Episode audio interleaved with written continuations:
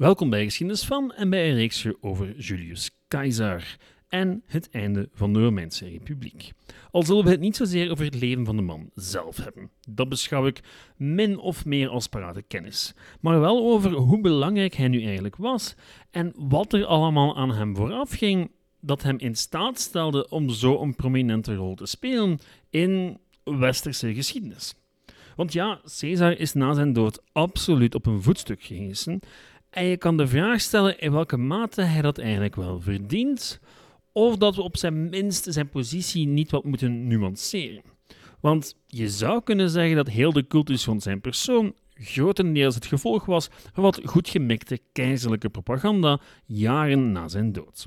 Als je wat dieper duikt in wat vooraf ging aan Keizer, kom je al snel tot de conclusie dat hij een schakel was in een lange keten. En niet eens de belangrijkste schakel. Waarom hij dan zo een prominente historische figuur geworden is, en de meeste mensen zijn naam wel kennen, maar niet die van een Marius of een Sulla, wel, dat zoeken we uit in een reeksje van twee afleveringen. Wel, hopelijk twee, we zien nog wel. Welkom bij Geschiedenis van.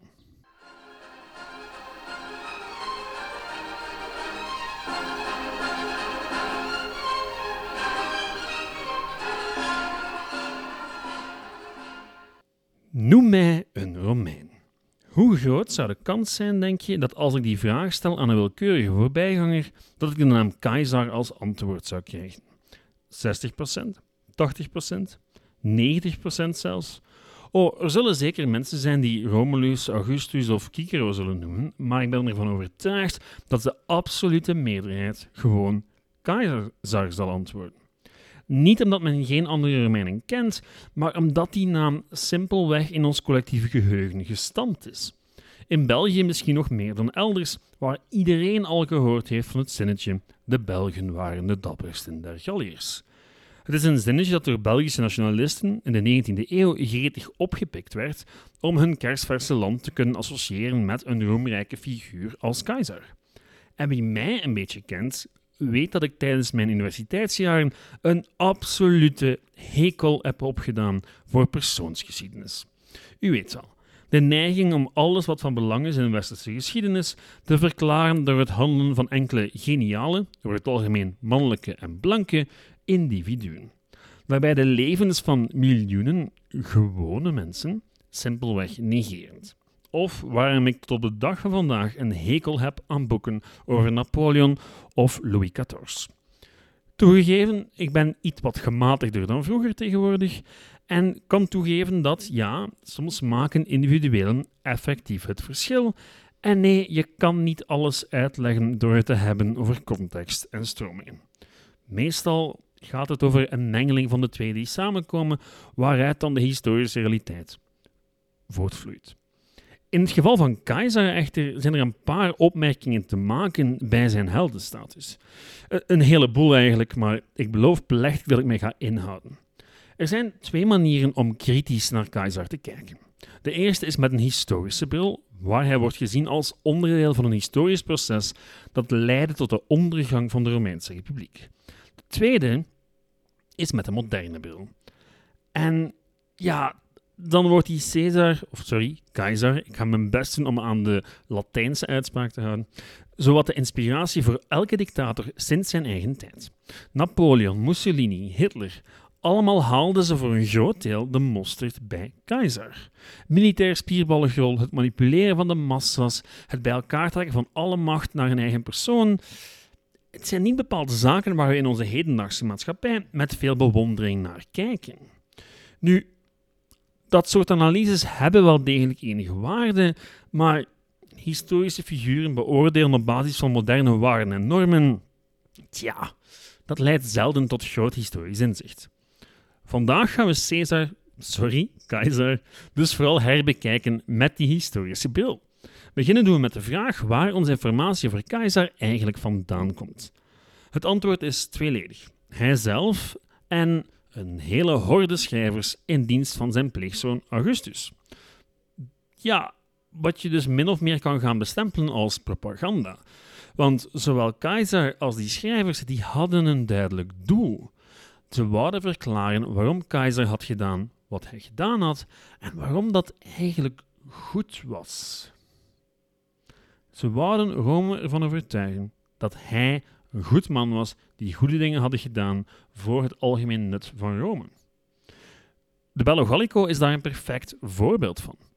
Het is eigenlijk een lang pleidooi aan de Senaat waarom ze hem vooral niet terug naar Rome moesten roepen, maar hem gewoon zijn ding moesten laten doen in Gallië.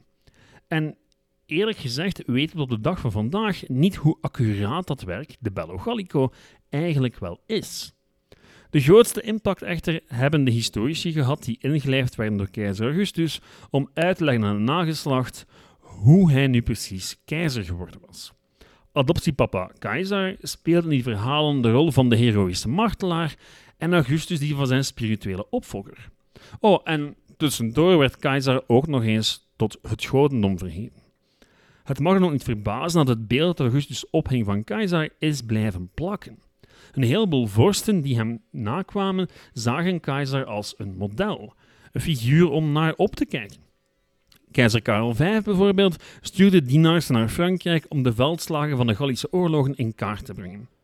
Suleiman de Magnifique, de Ottomaanse sultan, vertaalde de Bello Gallico in het Turks, net als Louis XIV in het Frans. Oh, en dan is er natuurlijk ook nog Shakespeare en co. Want ja, toen er in de 16e eeuw een opleving kwam van de theaterkunsten, moesten die schrijvers natuurlijk ergens een mosterd gaan halen. En waar beter dan de in de Renaissance zo bejubelde oudheid. Zij baseren zich natuurlijk op de meest voorhanden zijnde bronnen, namelijk die geproduceerd door het PR-kantoor van Augustus. En het gevolg was een maar niet uitdovende fascinatie voor de figuur Keizer, die doorgaat tot op de dag van vandaag. En er zijn argumenten om zo te blijven focussen op Keizer, maar er zijn er ook meer dan genoeg om hem net iets minder aandacht te schenken of op zijn minst in zijn context te plaatsen. En ook te kijken naar wie voor hem kwam en wie na hem kwam. Want eigenlijk, eigenlijk is Augustus belangrijker. Maar goed, al die argumenten krijgt u vandaag voorgeschoteld. Wel, vandaag en volgende week. Er zijn een heleboel vragen over de overgang van de republiek naar keizerrijk die geen antwoord krijgen als je het verhaal pas begint bij Julius Caesar.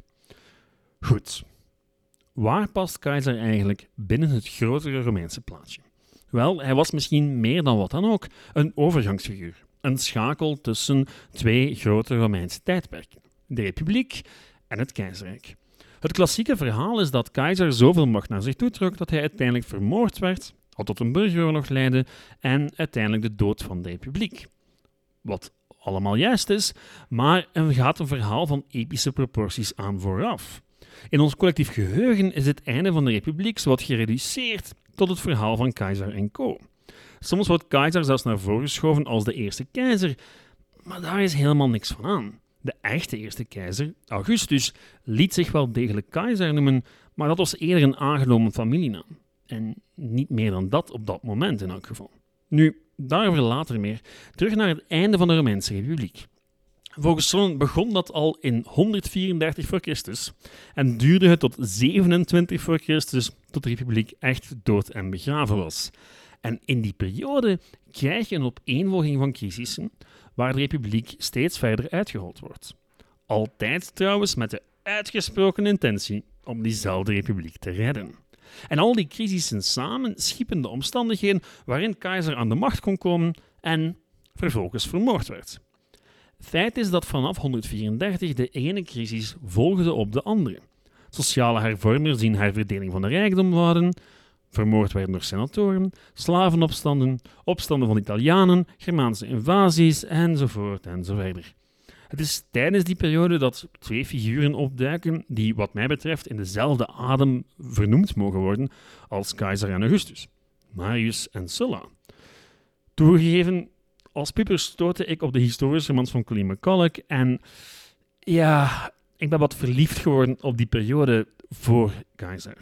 McCulloch schreef een reeks van vuistdikke historische romans over de val van de republiek en mijn 15-jarige zelf viel zowat van zijn stoel bij het lezen. Bleek dat ik, de zelfverklaarde geschiedenisnerd, nog nooit gehoord had van twee historische giganten. En sindsdien ben ik absoluut verliefd op deze periode. Het is een perfect samenspel tussen grote historische figuren en de historische stromingen die hun handelen mee bepaalden.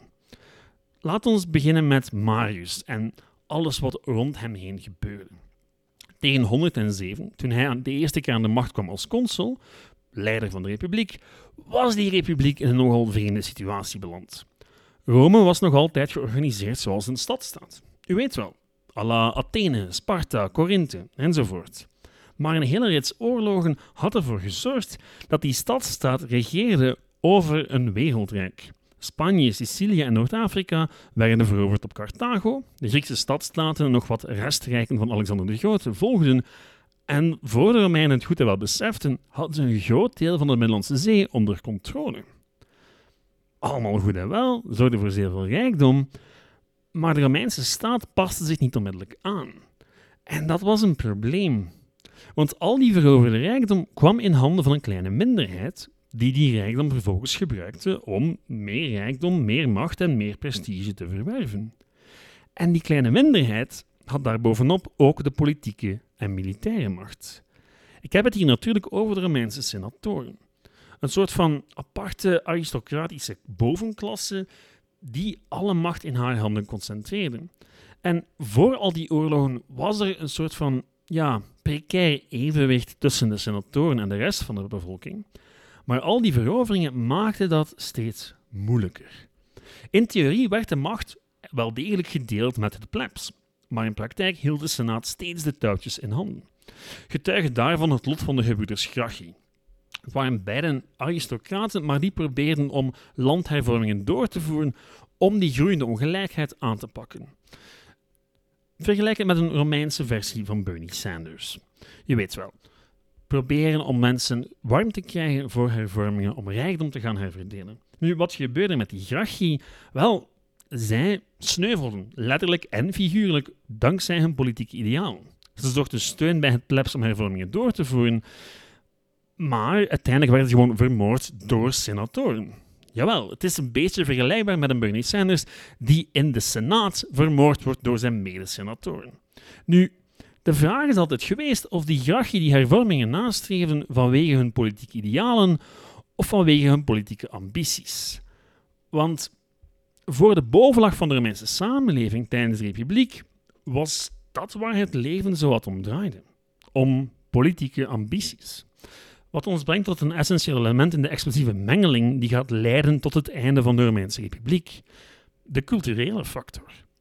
Die bovenlaag van senatoren bestond uit grootgrondbezitters die zowat al hun tijd en geld spendeerden aan het vergroten van hun eigen prestige en dat van hun familie.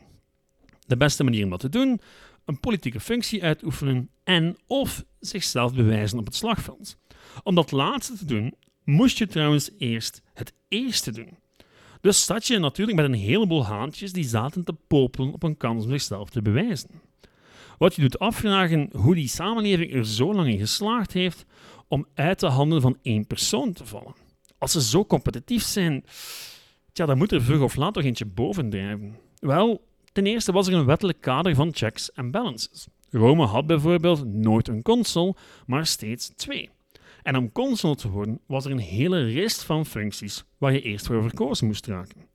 Daarbovenop kon men na zijn mandaat berecht worden door de Senaat voor enig machtsmisbruik en was de traditie dat een consul tien jaar wachten moest, vooraleer hij nog eens het purper aantrekken kon. Dus ja, die strijd om prestige en om macht was voor een groot deel geïnstitutionaliseerd. Er waren scheidsrechters, er waren regels. Goed, en de tweede rem op interne conflicten was hoe republikeins de gemiddelde Romein wel was. Het idee van een alleenheerser, van een dictator of van een koning was, ja, ging in tegen alles waar de republiek voor stond.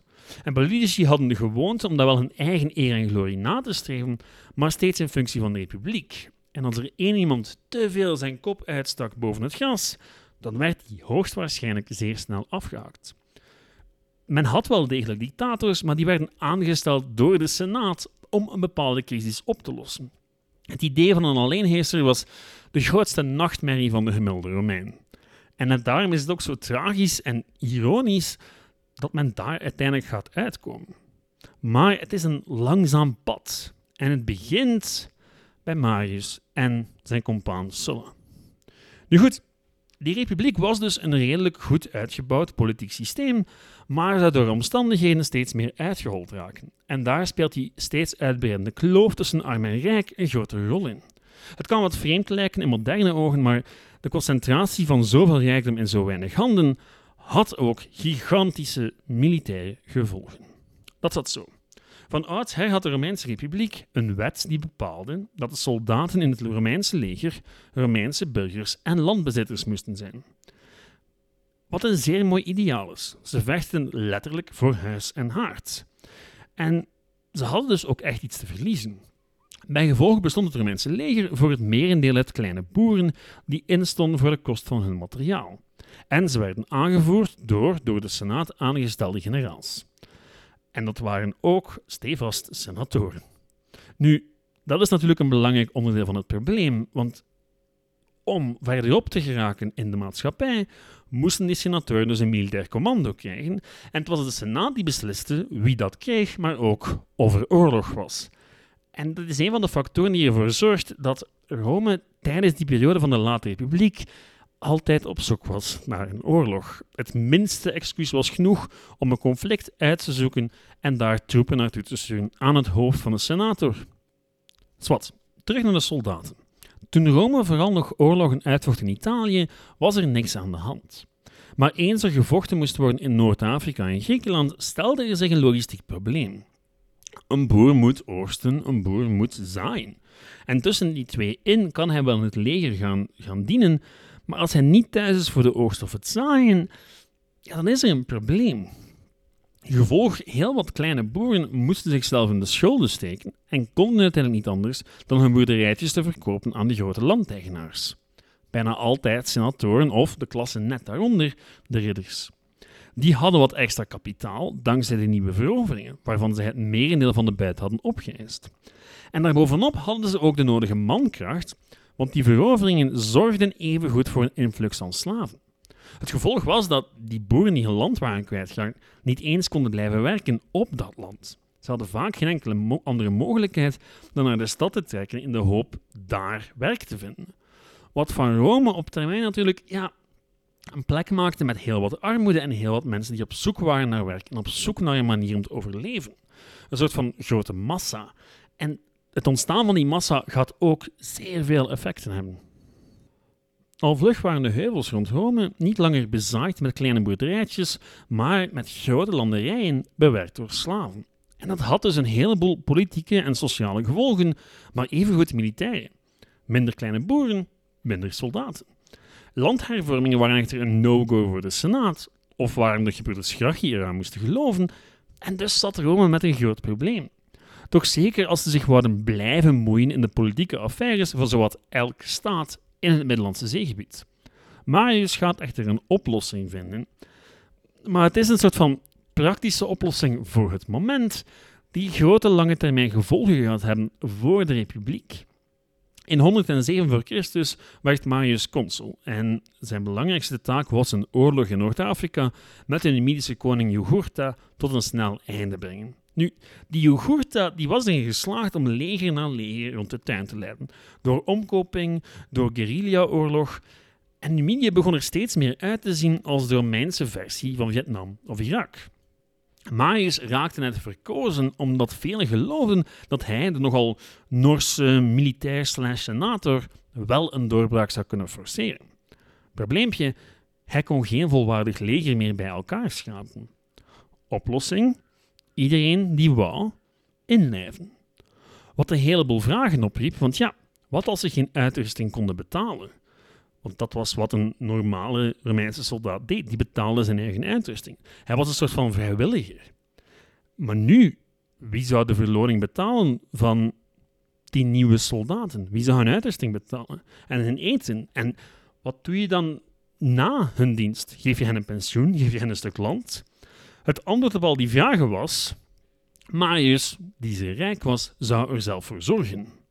Hoe was het nog niet volledig duidelijk en dan helemaal niet welke gevolgen dat zou gaan hebben.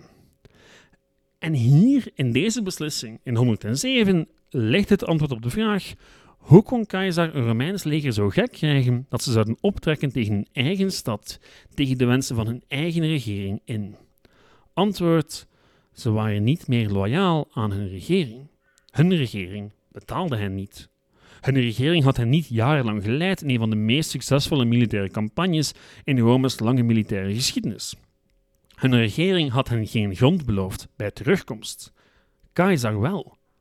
Tegen Keizers tijd was de loyaliteit van de gemiddelde Romeinse soldaat verschoven van de staat naar zijn generaal.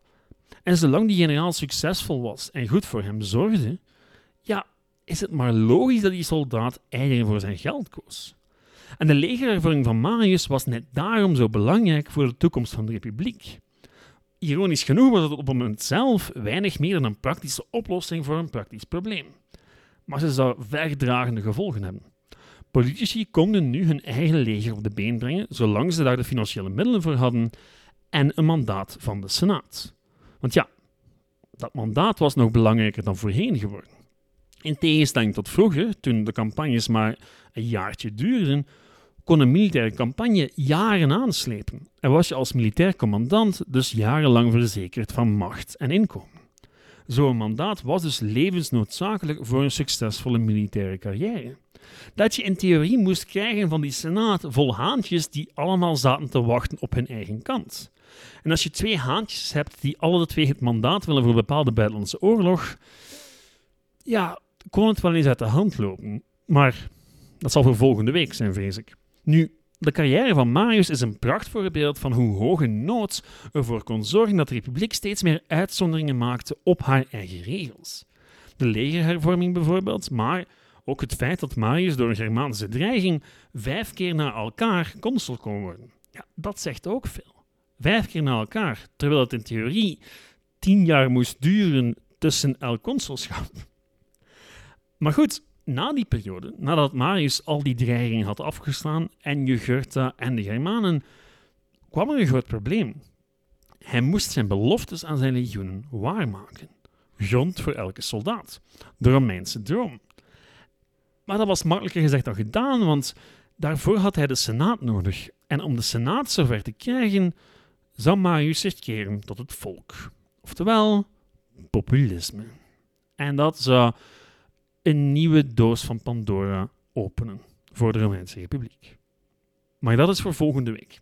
Uh, initieel wou ik enkel één aflevering wijden aan de Jules, maar eens ik begon te werken aan het script, kon ik mezelf nog amper inhouden. U hebt het misschien gemerkt. Al vlug was ik zo het hele verhaal van de val van de Romeinse Republiek aan het doen en goed, het was niet de bedoeling, maar ah, waarom niet? De periode vlak voor Keizer is crimineel onderbelicht geweest in het verleden en het is niet toevallig een van mijn eerste grote historische liefdes. Volgende week meer van dit dus. Bedankt voor het luisteren en tot dan. Hebt u vragen of suggesties, dan kan u nog altijd terecht op geschiedenisvan.outlook.be, de website geschiedenisvan.be of de Facebookgroep waar ik af en toe iets post. Bedankt voor het luisteren. Tot volgende week. Ciao!